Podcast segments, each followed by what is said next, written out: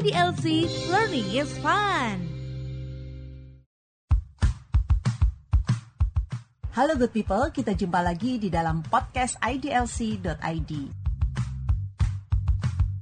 Kita jumpa lagi bersama saya, Irma Devita. dan saya dengan Glena. Nah, hari ini nih kita akan ngobrolin tentang undang-undang yang emang kayaknya kita nggak habis deh ngomongin itu deh. Secara halamannya aja nggak habis-habis dibaca tuh. Halamannya ada ribu, seribu kali ya Glenn ya, Iya. itu pun ganti-ganti jumlah halamannya. Bener, bener, Aduh. aduh. Ini kita akan ngebahas salah satu peraturan pelaksanaannya nih, PP Mm-mm. nomor 18 2021. Yang merupakan turunan dari Undang-Undang Cipta Kerja nomor 11 tahun 2020 Glenn. Ya, nah topik yang khusus nih kita kayaknya kalau mau bahas topiknya dalam secara keseluruhan tuh nggak mungkin ya Nggak Mbak mungkin, ya. banyak Kayaknya banget, itu banyak capek banget. banget kita. Ah, kita nggak bisa baca aja lama gitu Iya, ya. bener. Kita spesifik untuk topik khusus hari ini HPL. Nah, HPL ini kan menarik ya Mbak ya. Oh, dan menarik banget. Glenn. Banyak yang masih belum terlalu uh, aware gitu HPL tuh kenapa sih, apa sih gitu kan. Nah, mungkin pertama-tama kita harus paham dulu kali ya Mbak ya HPL tuh apa sih sebetulnya? Nah, gini Glenn, ini kan orang sering salah paham ya Glenn. Disangkain HPL itu adalah hak atas tanah. Hmm. Padahal sebenarnya dia adalah hak pengelolaan lahan di mana dia merupakan gempilan kalau bahasanya Prof Budi Harsono dulu gempilan atau bagian dari hak menguasai negara. Hmm, hmm, Jadi eh, HPL itu diberikan oleh negara kepada eh, instansi pemerintahan termasuk pemerintah daerah, BUMN, BUMD, Persero, Badan Otorita atau badan-badan hukum pemerintah lainnya yang ditunjuk oleh pemerintah. hmm, Nah, hmm, itu yang sebagaimana diatur dalam Permen nomor 9 tahun 99. hmm. Nah, Kalau yang ketentuan yang baru ada uh, satu badan baru nih ya nah yang bisa dia, menerima Glenn. HPL ya Mbak ya. Hmm, Yaitu Bank Tanah.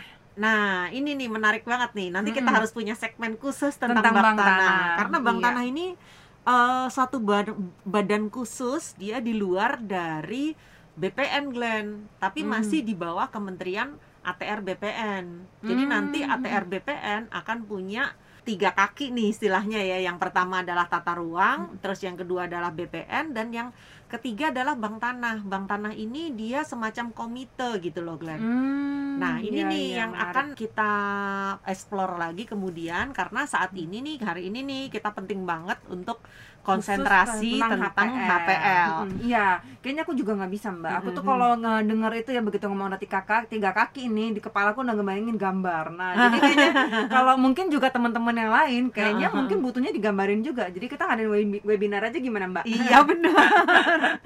Karena pusing tuh Glenn. Kalau misalnya menjelaskan tentang bank tanah, nanti itu dia akan banyak sekali kewenangan yang selama ini nggak ada gitu loh Glenn. Hmm, Dan iya, itu iya. perlu dipelajari secara khusus Iya, atau betul. disampaikan secara khusus. Hmm. Nah, ini yang paling menarik HPL ini Glenn Hmm, bisa diberikan eh, hak-hak lain di atasnya, hmm, tapi hak-hak tersebut itu masih bisa dibebani dengan hak tanggungan, walaupun dia Hmm. bersifat semacam hak sekunder. Padahal sebenarnya ya nggak sekunder juga, karena Hmm. HPL itu sendiri merupakan kembali lagi bagian dari hak menguasai negara. hmm. Jadi, Jadi- sebenarnya secara nggak langsung tuh tetap tanah negara ya mbak ya? Iya, sebetulnya ya? yang dikelola oleh orang-orang badan-badan tertentu. ah, badan-badan tertentu. Nah, Hmm, Makanya hmm. dibilang hak pengelolaan lahan, dia hanya punya hak untuk mengelola lahannya milik negara. Hmm. Tapi HPL itu memang ada sertifikatnya, Glenn. Jadi kadang-kadang kan orang sampai mikir-mikir ya, kayak misalnya aku dulu pas kuliah ya, Hmm, karena hampir nggak pernah tuh kita ngelihat sertifikat HPL. Iya, Kita cuma hmm. tahu misalnya nih,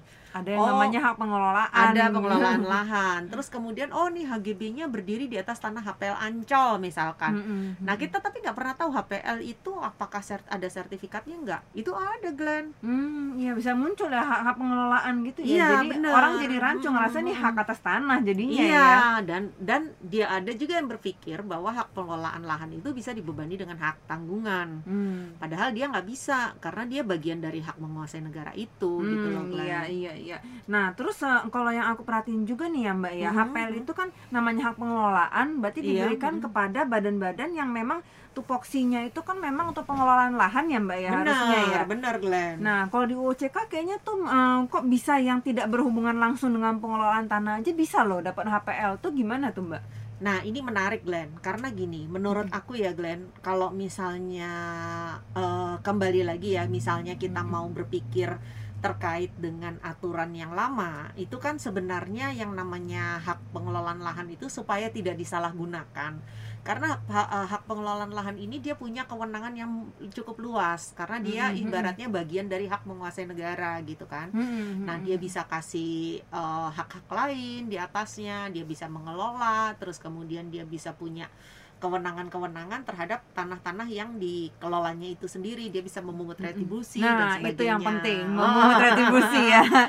Nah, itu Iya. tadi Glenn. Nah, Mm-mm. sekarang kalau kalau dulu nih Glenn yang Mm-mm. eh, sebelum adanya UUCK atau PP nomor 18 2021 Mm-mm. itu tuh harus eh, dalam maksud dan tujuannya salah satunya adalah mengelola lahan. Hmm, Nah, kalau sekarang ibaratnya nih PT yang tidak langsung berhubungan dengan pengelolaan lahan itu bisa dapat HPL gitu loh, Glenn. Mm-mm, asal dapat eh, persetujuan dari menteri yang menyelenggarakan urusan pemerintahan di bidang keuangan ya. Nah, Nah, ini jadi itu dia. kayak instansi yang lain lagi gitu ya jadinya ya. Iya benar. Nah kalau Mm-mm. aku tuh ya Glenn ya Mm-mm. bayanginnya ya Glenn sama seperti kayak ini kan aku tuh berpikir bahwa eh, tanah-tanah yang ada nantinya di masa Mm-mm. depan itu kan semakin sedikit ya Glenn. Iya benar. Sedangkan eh, sekarang nih dengan adanya PP nomor 18 2021 itu menarik banget karena di bawah 30 meter itu bisa diberikan HPL Glenn.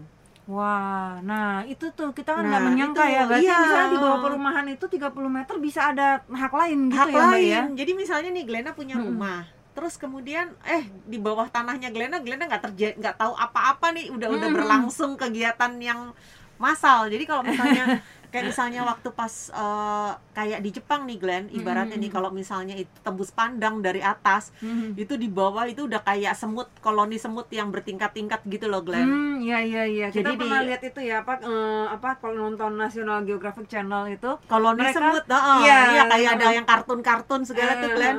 ada lapis pertama, lapis Mm-mm. kedua, lapis ketiga, lapis keempat, bahkan kadang-kadang sampai lapis kelima gitu loh, Iya Glenn. iya benar benar benar. Dan itu kalau di Jepang itu kejadian, Glenn, karena kan Hmm. kalau misalnya eh, kereta bawah tanah, bayangin Hmm. aja kereta bawah tanah itu nggak hitungan menit. Kadang-kadang udah hitungannya detik karena atas jalan, bawah jalan, bawahnya jalan lagi gitu iya kan, Glenn. benar benar iya. Nah, seperti itu, Glenn. Iya dan ya, memang sih ya kalau di Jepang kan complicated banget ya karena Hmm. tanah mereka sempit banget. Sempit banget. Sementara line ininya line kereta mereka banyak banget. banyak banget. Nah itu banyak eh, banget. kita mau ke tempat yang berbeda dengan arah yang berbeda kita udah beda tingkat. beda tingkat. Nah, Nah, nah, itu- itu itu sama Jadi seperti- kedalaman yang berbeda itu ternyata bisa menimbulkan hak yang berbeda jadinya. Nah, itu ya. menariknya Glenn. Jadi artinya selama ini kan kita selalu eh, taunya pelajaran kita nih Mhm. hanya terhadap tanah yang ada di atas permukaan. yang kelihatan mata, yang kelihatan Iya, mata. yang, yang dia ada di permukaan doang, Hmm, Glenn. Ternyata di bawah tanah itu bisa sampai di kedalaman du- 30 meter di bawah rumahnya Glenna nih yang udah Hmm, udah hmm, dipegang sertifikat tanahnya. Mm, mm, mm, Itu bisa ada HPL lagi, Glenn. mm. Nah, ada HPL lagi di dalam HPL itu bisa diberikan HGB HGB lagi gitu loh, Glenn. Hmm, Nah, sebenarnya kita Indonesia ini kan Hmm. udah menuju ke arah sana ya, Mbak ya. Kita Menuju kan ke arah sana. ada banyak beneran. MRT di mana-mana, contohnya di Sudirman pasti yang udah jalan ya. benar, Dan benar. itu sebenarnya aku uh, wondering banget sih ini sebenarnya mereka kalau bangun uh, MRT ini mereka megang hak nggak sih?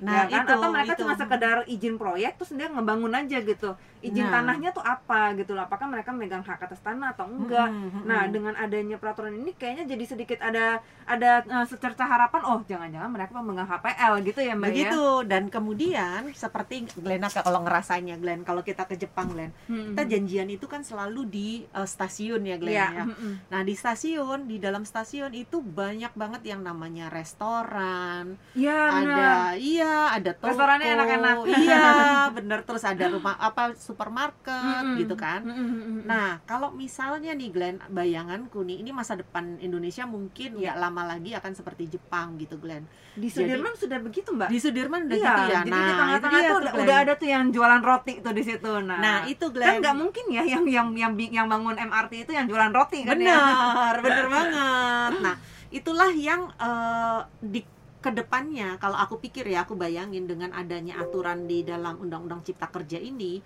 ada kemungkinan nantinya si pemegang hak untuk eh, HPL untuk yang MRT tadi ataukah eh, apa kereta bawah tanah lapisan keberapa gitu ya. Hmm. Di samping dia punya eh, stasiun, dia juga punya convenience store.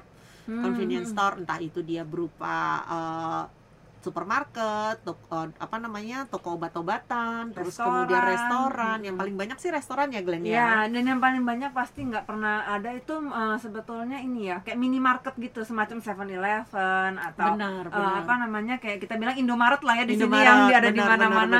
Itu benar. yang orang gampang banget kita kalau apa orang di Hmm. luar negeri itu kan mereka sarapannya kan waktunya terburu-buru. Jadi begitu itu sempat lewatin stasiun, udahlah ngambil ke minimarket, ngambil susu, ngambil apa langsung jalan lah sambil itu Hmm, gitu kan. hmm, hmm, hmm, Nah, hmm. mungkin itu nanti di Indonesia juga akan seperti itu Nah, pastinya benar kan. Glenn. Termasuk juga ini Glenn, apa namanya eh, hak-hak dari para penyewa-penyewanya. Dia nyewa sama Mm-mm. siapa nih, gitu kan? Benar. mm-mm. Nah, itulah yang akhirnya eh, eh, tugas dari pemegang HPL tadi yang ada di bawah tanah, yang sebelumnya kita nggak pernah bayangin itu kan Mm-mm. ada gitu ya Glenn. Iya. Itu bisa diberikan kepada orang-orang lain. Hmm. Nah, sama nih Glenn, termasuk HPL di atas permukaan tanah. Hmm. dalam bayangan kita HPL di atas permukaan tanah itu kan cuman di atas tanahnya secara langsung Iya. Glenn Mm-mm. tapi bayangin Glenn misalnya nih kayak eh, kita nonton film burlesque Iya, itu, aduh, itu, keren bisa beli banget. oh, oh. Tiba-tiba seketika aku ngerasa dia pinter banget ya nih Pinter orang banget. ya. good idea banget Good kan idea banget. Kenapa nggak gue beli aja udara di di, di, di atas tangga gue? oh, oh. nah itu udaranya jadi di udara di atas kepala kita pun itu bisa Hmm. di- dibeli karena kalau enggak nanti bisa orang eh, bangun toko kayak yang Mhm. jembatan yang jembatan kayak yang di Pondok Indah Mall tuh Glenn Iya, mm. Itu atau kan IX, IX. yang akhirnya dirobohin. Iya, kan gak ada haknya soalnya Uh-uh, kan. Nah, kalau betul. misalnya udah ada haknya, gue ada sertifikatnya loh, gitu Mm-mm, kan. mm-mm. Nah, itu yang harus eh, di kemudian hari kita pertimbangkan tuh, Glenn. Iya, sama supaya ini juga ya jelas juga Mhm, nanti mhm, misalnya di mhm. kemudian hari namanya struktur bangunan ya, ada kenapa-kenapa atau Mhm. misalnya kita nggak tahu namanya restoran rawan banget yang terjadi namanya kebakaran atau apa.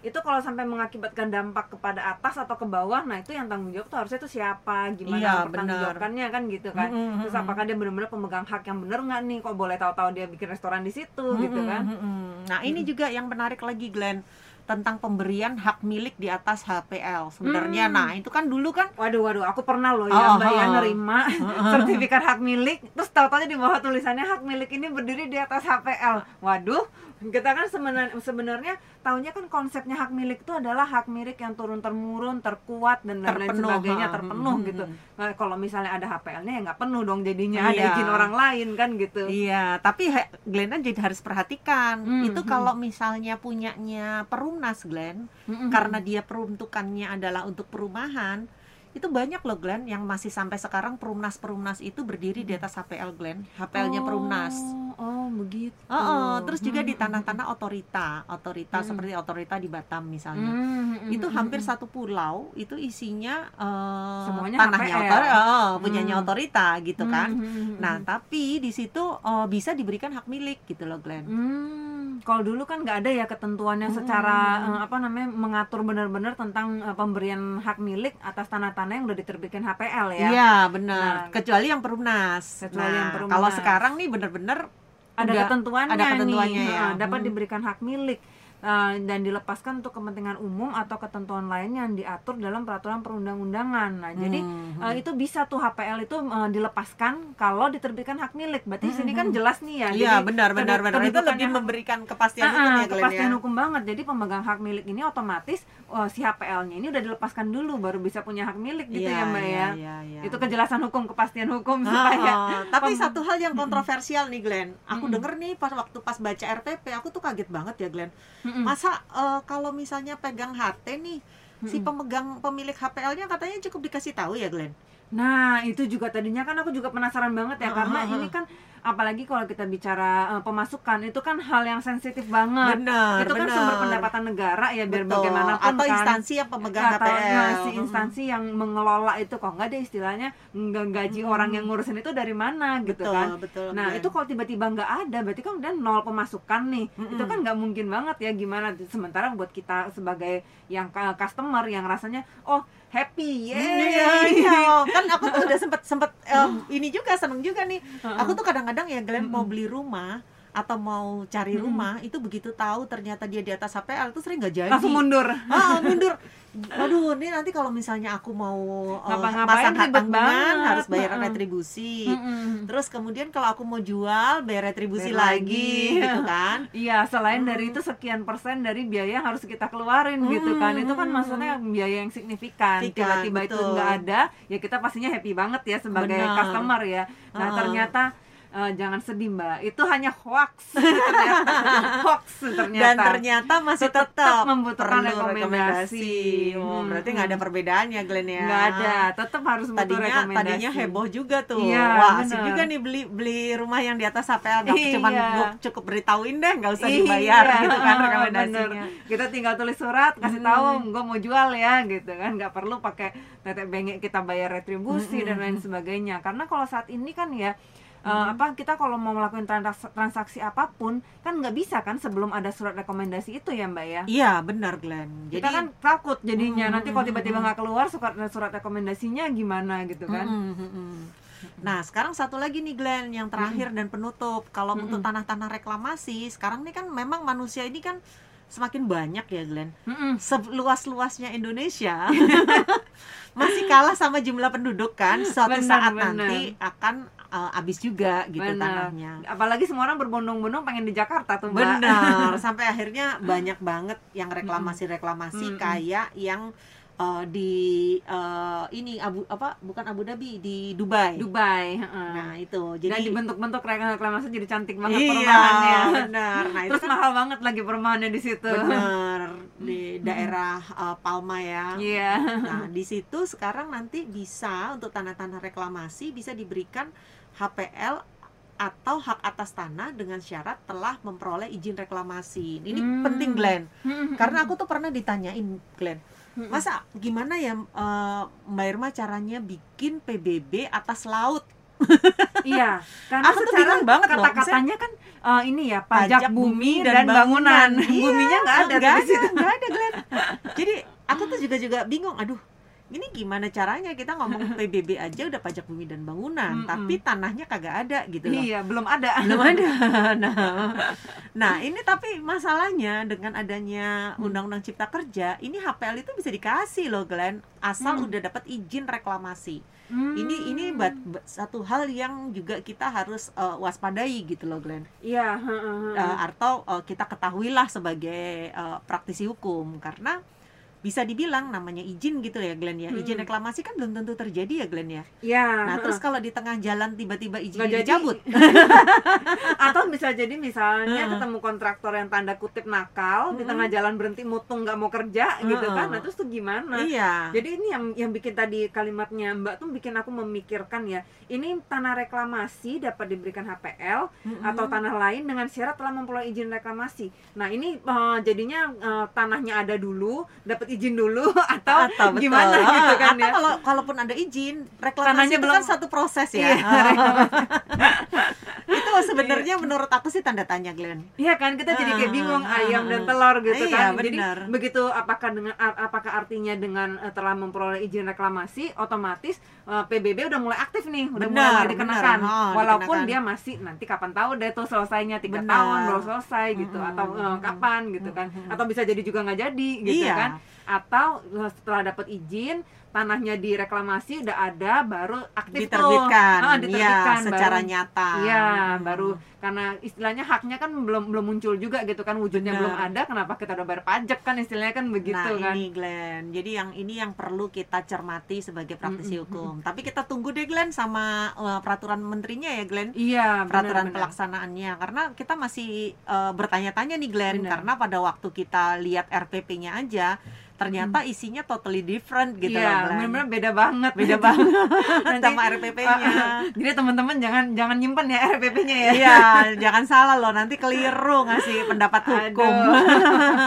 Itu gawat banget, gawat Iya. banget. Tadinya kita berpikir dengan munculnya PP 18 2021 ini ada sedikit em, ya sedikit sih mulai kelihatan lebih jelas sih, tapi Hmm. ternyata masih banyak juga hal-hal yang dipertanyakan ya, Mbak ya. Benar, benar. Termasuk ya kita masih belum tahu nih eh, pelaksanaannya seperti apa karena Mm-mm. ya jangan sampai juga nanti ternyata pelaksananya juga zong gitu loh lain Iya, gitu loh benar Glenn. benar karena kita bikin aturan belum tentu yang melaksanakan nanti prakteknya gimana Mm-mm, gitu kan itu semuanya kita masih harus wait and see lah ya semua Iya. peraturan baru itu ya mbak ya Mm-mm, karena pada kenyataannya juga masih nggak bisa langsung diterapkan gitu kan Glenn Mm-mm, benar benar Mm-mm. sementara wah, rek- tentang reklamasinya sendiri aja pemerintah masih maju mundur kan Iya, izin izin benar. reklamasi itu Oke Glenn menarik, Menarik banget nih. banget, ternyata nggak sadar kita udah ngomong cukup lama nih Glenn. Iya nanti kita ngobrol-ngobrol lagi ya Glenn Benar, masalah benar. UCK di kesempatan Iya, berikutnya ya benar Glenn. benar. Nanti kalau misalnya ini udah peraturan pemerintahnya udah keluar kayaknya kita harus ngadain webinar nih mbak. Benar supaya, supaya, kita dapat uh, jelas. kepastian. Oh, supaya jelas. Benar benar. Oke, good people, sampai jumpa lagi di dalam podcast-podcast selanjutnya. Dah. Dah, bye bye.